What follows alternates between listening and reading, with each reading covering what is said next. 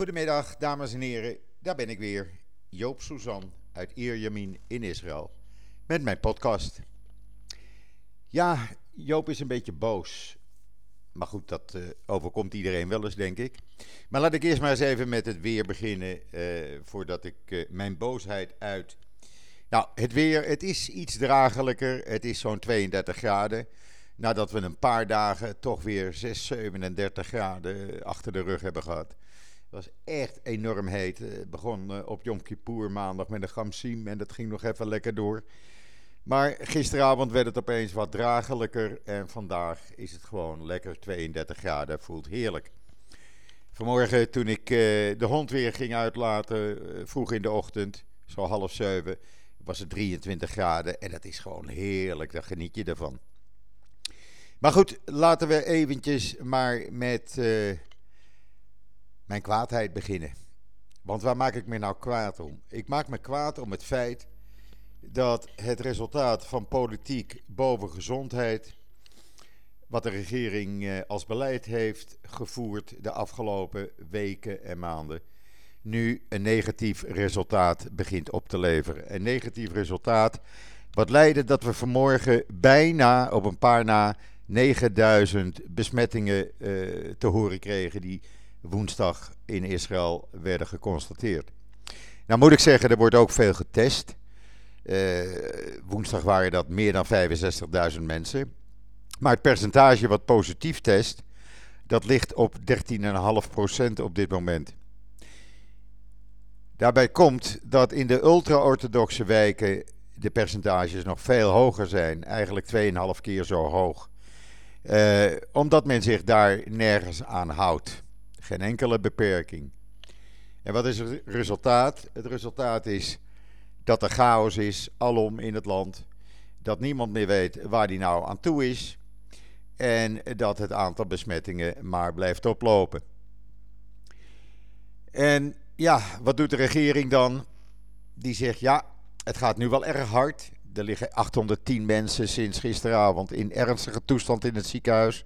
206 zijn er aangesloten op de beademing. Er zijn bijna 69.000 mensen die besmet zijn op dit moment. Die in quarantaine moeten. Maar sommigen gaan gewoon de straat op. Uh, we gaan er iets aan doen. En wat gaan we dan doen? Nou, alle beperkingen die we hebben, die worden nog strenger. Het vliegveld is uh, vanaf vandaag gesloten voor uitgaande passagiers. Alhoewel, vanwege de chaos weet niemand meer uh, wat nu wel en niet mag. De een zegt, ja, als je een ticket hebt die uh, voor afgelopen vrijdag is gekocht, dan mag je vliegen. heb je een ticket die bijvoorbeeld voor morgen geldt, dan mag je niet vliegen. Anderen zeggen, nee, het zit weer andersom. Ga je informeren bij het ministerie van Transport, dan krijg je ook allerlei verschillende antwoorden te horen. Dus niemand weet eigenlijk waar die aan toe is. Het enige wat we weten is dat we thuis moeten zitten en dat we niet eh, verder dan één kilometer van huis mogen. Demonstreren mag niet meer. Net aan jou heeft zijn zin. Demonstreren is voorlopig uit de boze. Je mag wel demonstreren, maar dan niet meer dan met 20 personen. Die moeten dan 2 meter afstand houden en mogen niet verder dan 1 kilometer van de plek van demonstratie wonen. Uh, dan krijgen we soek, Soekot vanaf uh, morgenavond. Normaal gaan uh, familie en vrienden bij elkaar in de soeka. Ga je eten, drinken, praten. Nou, je mag wel in de soeka, maar je mag er niemand uitnodigen. Ook je familie niet, je vrienden niet, alleen maar met je eigen gezin. Dan hebben we nog het kopen van essentiële producten. Nou, dat wordt ook steeds moeilijker. Dat moet je nu kunnen aantonen dat je het echt niet in een kilometer rond je huis kan kopen. Dan moet je aantonen. Kan je dat niet, dan kom je de blokkade niet door, want er zijn overal blokkades opgericht. Op de snelwegen, op de gewone uh, regionale wegen. Bij mij stonden ze uh, achter de verkeerslichten richting snelweg. Uh, er zijn nu ook vliegende blokkades, noem ik het maar. Dat zijn agenten, politieagenten op motoren en in auto's die in het wilde weg gewoon auto's aanhouden. En vragen waar je woont en waar je naartoe gaat en wat de reden is. Als je niet kan aantonen dat je naar je werk gaat, nou, dan krijg je een dikke bon. Uh, er wordt van alles en nog wat verzonnen, maar men heeft dat uh, inmiddels uh, redelijk onder de knie. En ja, je bent gewoon gedwongen om thuis te blijven zitten. Hoe komt dat dan? Nou, ik heb het al eerder gezegd. er is gewoon niets gedaan na de eerste golf om de tweede golf op te vangen. Ondanks alle toezeggingen van de regering van we gaan extra ziekenhuisbedden bij, uh, bijzetten, zijn er 19 vanaf uh, eind mei bijgekomen. Nu opeens gaat men met allerlei veldhospitalen en het veranderen van gewone ziekenhuisafdelingen in coronavirusafdelingen, gaat men opeens in de komende maand of in de komende weken, zegt men, zo'n 1500 extra bedden erbij krijgen. Maar ja, dat betekent dat iemand met kanker of een andere ernstige ziekte niet meer naar het ziekenhuis kan, want zijn bed wordt ingenomen door een viruspatiënt. Dus het is een visieuze cirkel.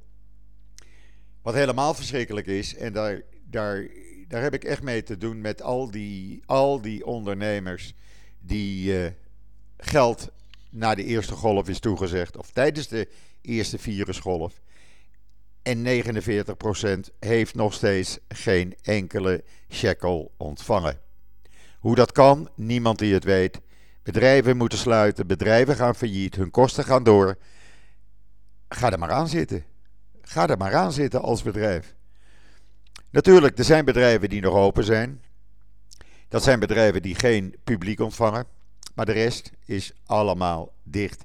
En er gaan nog meer bedrijven dicht. Er zijn in één week, of eigenlijk minder dan een week, ruim 130.000 werklozen bijgekomen. Vele van hen voor de tweede keer werkloos. En we zitten nu ruim boven de 900.000 werklozen. En dat zal met een paar dagen richting het miljoen zijn en er zelfs overheen gaan. Scholen zijn nog steeds dicht. Alhoewel, yeshivas, nou, die werken gewoon. Die hebben overal lak aan. Ik zie ze op televisie elke avond in het journaal. Staan ze te dansen, zonder mondkapje, lekker dicht op elkaar. Ja, die hebben overal maling aan. En dat blijkt ook weer uit het bericht dat in bijvoorbeeld Mea Sharim zijn vijf enorme soeka's opgericht. Waar duizenden mensen in kunnen plaatsnemen. En die gaan echt geen mondkapje, mondkapje dragen. Die gaan lekker tegen elkaar aan, die gaan dansen, die gaan eten. Mensen hebben overal maling aan. En doet de overheid daar dan niets aan? Nee. Wel als ik buiten de pot pies, om het zo maar te noemen. Maar als ik ultra-orthodox ben, nee. Want stel je voor dat we de ultra-orthodoxe gemeenschap uh, gaan aanpakken op het niet hanteren van de voorgeschreven restricties. Ja, dan worden de ultra-orthodoxe coalitiepartijen boos. En die uh, kunnen dan zeggen van wij stappen uit de regering. Nou, dat wil Netanyahu natuurlijk niet, want dan heeft hij geen regering meer. En hij weet dat hij bij de verkiezingen, als er verkiezingen zouden zijn, uh, helemaal niet gaat winnen. Uh, eh, 25% van de bevolking vertrouwt hem nog maar wat betreft de aanpak van het coronavirus. Uh, de overige meerderheid daarvan geeft hem de schuld van hoe alles fout is gegaan. Experts die met uh, adviezen komen, daar wordt gezegd bedankt. Maar we doen het even niet, want wij als ministers onder leiding van Netanyahu hebben andere meningen en wij volgen onze eigen meningen.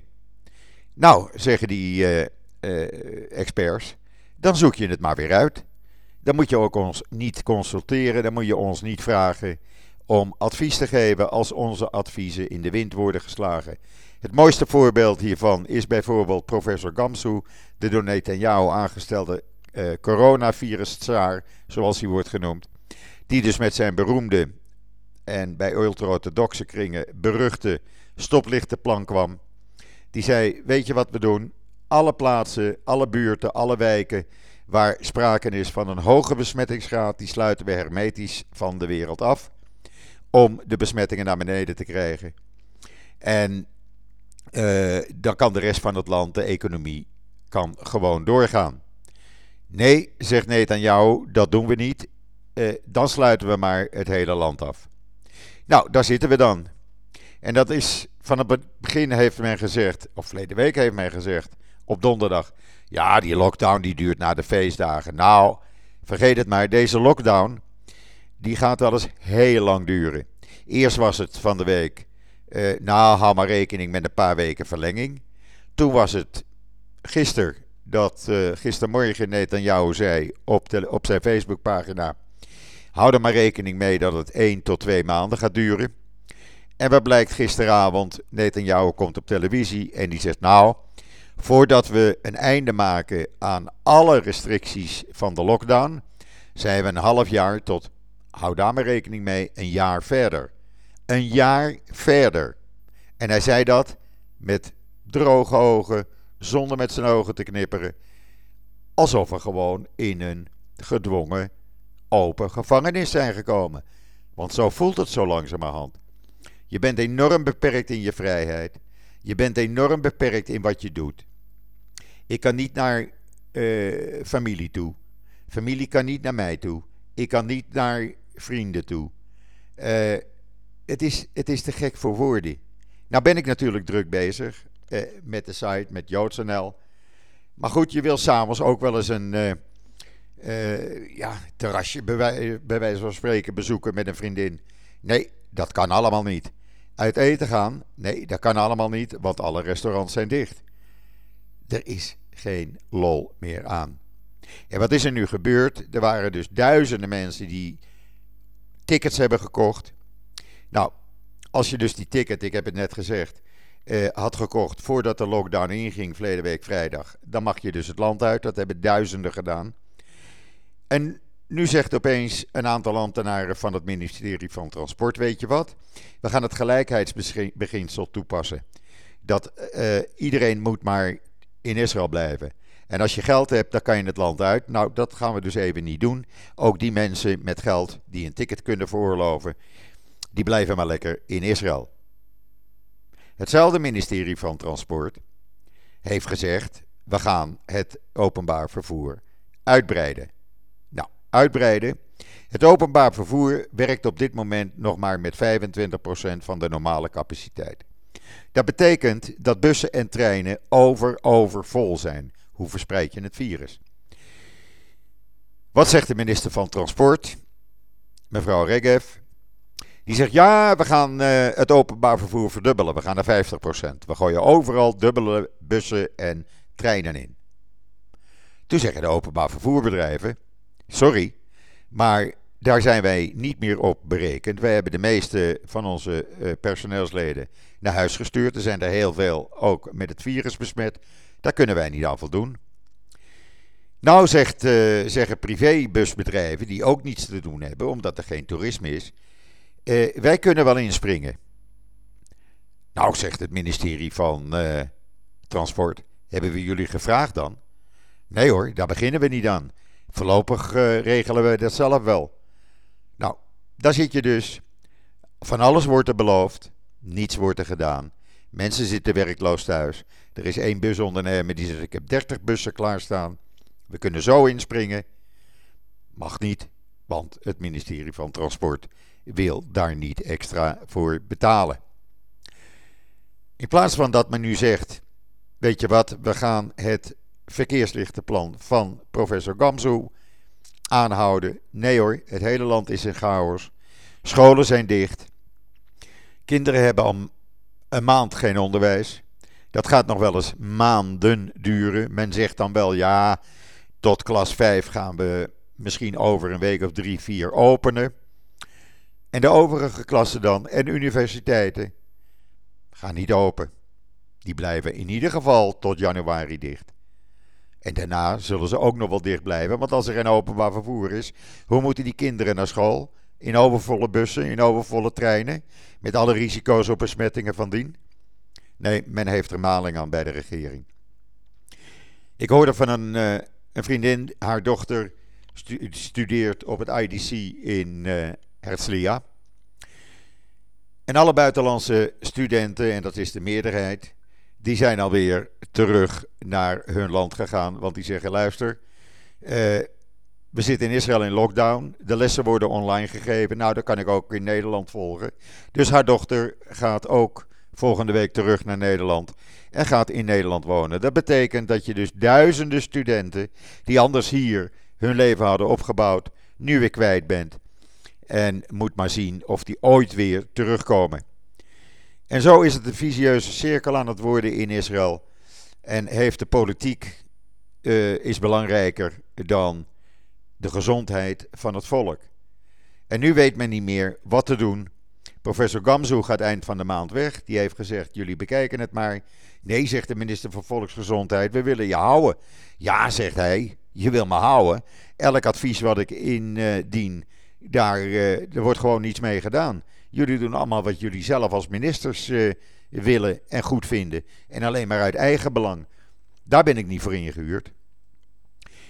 Nou zegt Netanyahu, weet je wat, dan gaan we de man die we ontslagen hebben, die het virus behandelde, die ga ik wel weer vragen of hij terug wil komen. Nou, die man is daar ook niet hartig op, meneer Bar Simtov. En het uh, moet nog maar blijken of hij, uh, of hij inderdaad terugkomt. En of hij dan op dezelfde manier behandeld wordt als professor Gamzu. Want het heeft allemaal geen nut als je adviezen indient en zegt van hier moet aan worden voldaan, daar moet aan worden voldaan. En het wordt niet opgevolgd. Ja, dan word je moedeloos als expert. En ik kan me dat echt wel indienen, eh, indenken. En ik merk dat ook. Ik hoor, van mijn buren ook, die zijn het zat. Iedereen is het een beetje zat dat ge, uh, verander van, van regels. Elke dag weer andere regels. Zonder uitleg erbij. Er wordt gewoon gezegd: jongens, nou gaan we dit doen. Oh ja, we hadden gisteren wel deze regel, maar die hebben we weer even veranderd. Want wij vinden deze regel, die we nu gaan in, eh, in, uh, van kracht laten worden, vinden we even belangrijker. En dan zegt u van ja, maar in Nederland is het ook een zootje. Nou, in Nederland gaat het net zo verkeerd dan als in Israël. Ik merkte gisteren al, uh, zag ik dat er ruim 3000 besmettingen waren. Dat loopt ook lekker op. Mondkapjes niet verplicht, terwijl ze verplicht zouden moeten zijn. Uh, ook in Nederland is de chaos. En dat zie je ook in veel andere landen. Ik denk wel eens, we worden bestuurd door een stelletje gekken. Eh, niet alleen in Israël, maar ook in Amerika, in Engeland, in, in Nederland, in België. Overal waar ministers en ambtenaren denken dat ze veel beter uh, be, weten hoe ze met het coronavirus moeten omgaan dan allerlei experts. En moet ik even een slokje water nemen. Maar goed, we zien wel waar het schip strandt. Uh, want stranden gaat het. Ik ben daar zelf heel benauwd voor. Ik denk dat op een gegeven ogenblik mensen zo kwaad worden hier in Israël. Beetje de Israëlische mentaliteit uh, kennende. Dat men zegt van, ja, nou, jullie bekijken het maar. Wij gaan zelf doen wat we willen. En jullie, jullie met je regels. de ultra-orthodoxen houden zich er niet aan. dus wij houden ons er ook niet meer aan. Ja, en dan wordt de chaos alleen nog maar groter. En over chaos gesproken, de Israëlische procureur-generaal, die heeft gisteren bekendgemaakt, of dat is uitgelekt, en er is een interview met hem geweest, met Mandelblit, Avigai Mandelblit, eh, met een eh, online magazine Mispaga, oftewel familie. En daarin heeft hij gezegd eh, dat hij bepaalt als er sprake is van belangenverstrengeling door Netanyahu, dan moet hij aftreden. Klaar. En die belangenverstrengeling zou kunnen zijn dat Netanyahu zich benoemt, bemoeit met het benoemen van rechters, met het benoemen van officieren van justitie, met het benoemen van een nieuwe hoofdcommissaris van politie, die er nog steeds niet is. En met andere zaken die een ja, zou je kunnen zeggen, belangenverstrengeling zouden kunnen zijn. Uh, in verband met zijn rechtszaak die begin december weer verder gaat. Mandelblit zegt, uh, ja, hij zegt het is helemaal geen wiskunde, het is helemaal niet zo moeilijk. En ik probeer attent en kalm te zijn. En ik tel niet tot tien, maar ik tel tot duizend. Maar ik onderhandel wel op dit moment met Netanyahu om regels op te stellen, een regeling op te stellen eigenlijk, eh, waardoor hij weet welke belangenverstrengeling eh, hij moet voorkomen. Want doet hij dat niet, zegt hij, hij bewijst mij geen dienst, hij bewijst Israël geen dienst. Maar als hij dat niet doet, ja, dan uh, zal ik hem dwingen om af te treden. Want dat is ook de uitspraak van het Hoge Rechtshof enige tijd geleden geweest. Dat Netanyahu zich niet uh, met dingen bemoeien die in strijd zouden kunnen zijn met zijn komende strafproces.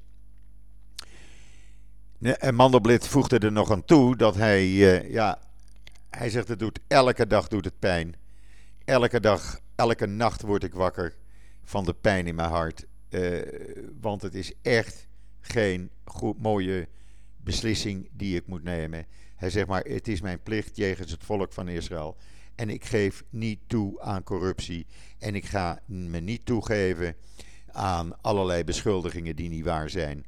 Alleen maar om te zorgen dat de aandacht wordt afgeleid van het proces van Netanyahu. We zullen zien uh, wat daar uh, uh, de komende tijd mee gaat gebeuren. Mandelblit voegde er ook nog aan toe dat het naar zijn mening momenteel met het bewijs wat er op tafel ligt, zegt hij, is er een redelijke kans dat Netanyahu veroordeeld wordt. Dat wil niet zeggen dat de processen dan afgelopen zijn, want dan kan hij altijd nog naar het Hoge Rechtshof toe.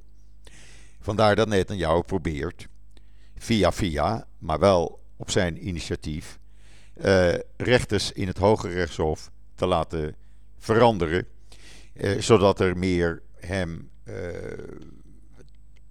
getrouwe rechters zouden komen. Nou, en dat is nou precies wat Mandelblit probeert te voorkomen. Ja, ik vind het ook niet leuk dat ik alleen maar dit soort nieuws op dit moment aan u moet melden. Maar het is zoals het is. En het is de realiteit in Israël. En het is een realiteit die niemand wil, die niemand leuk vindt, waar iedereen op tegen is, maar waar op dit moment, en ik zeg duidelijk op dit moment, nog weinig aan kan worden gedaan. Demonstraties gaan wel door, zei het online. Er was afgelopen zaterdag een online demonstratie waar ruim 500 miljoen Israëli's aan meededen. Hij zal uh, zaterdag over een week wel ook weer plaatsvinden. Deze zaterdag niet, vanwege Sukkot, denk ik.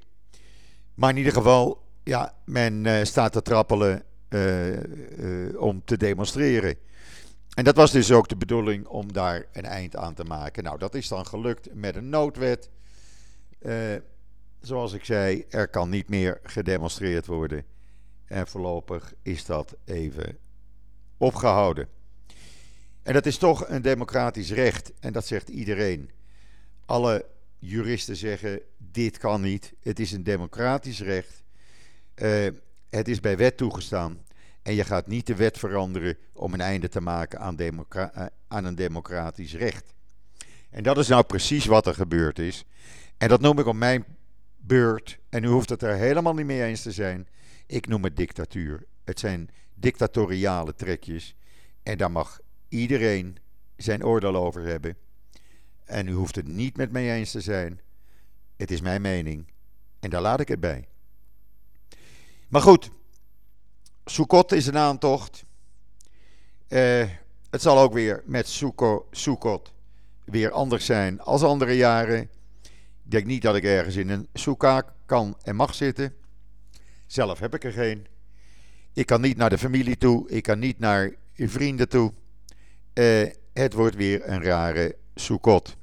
En dat zal ook met Simchat Torah zo zijn. Dansen met de Torah. Ik uh, ga er niet aan beginnen. Uh, hoe leuk ik het ook vind, maar dit jaar doen we dat maar even niet. Het is niet anders. Corona heeft de overhand in Israël. Toch wens ik u allen Gak Sameach, nog veel jaren Sukkot. Uh, Shabbat Shalom alvast. Maak er toch een mooi weekend van. Ik probeer het op mijn beurt ook te doen. Ik heb gelukkig een hond, zoals u weet. Dus ik kan, uh, ik kan lopen. Uh, en je mag met een hond verder dan die ene kilometer. Dus daar maak ik ook gretig gebruik van. Uh, nogmaals, Shabbat Shalom. Heb een goed weekend. Ik hoop maandag weer bij u te zijn. Dus zeg ik zoals altijd. Tot ziens. Tot maandag.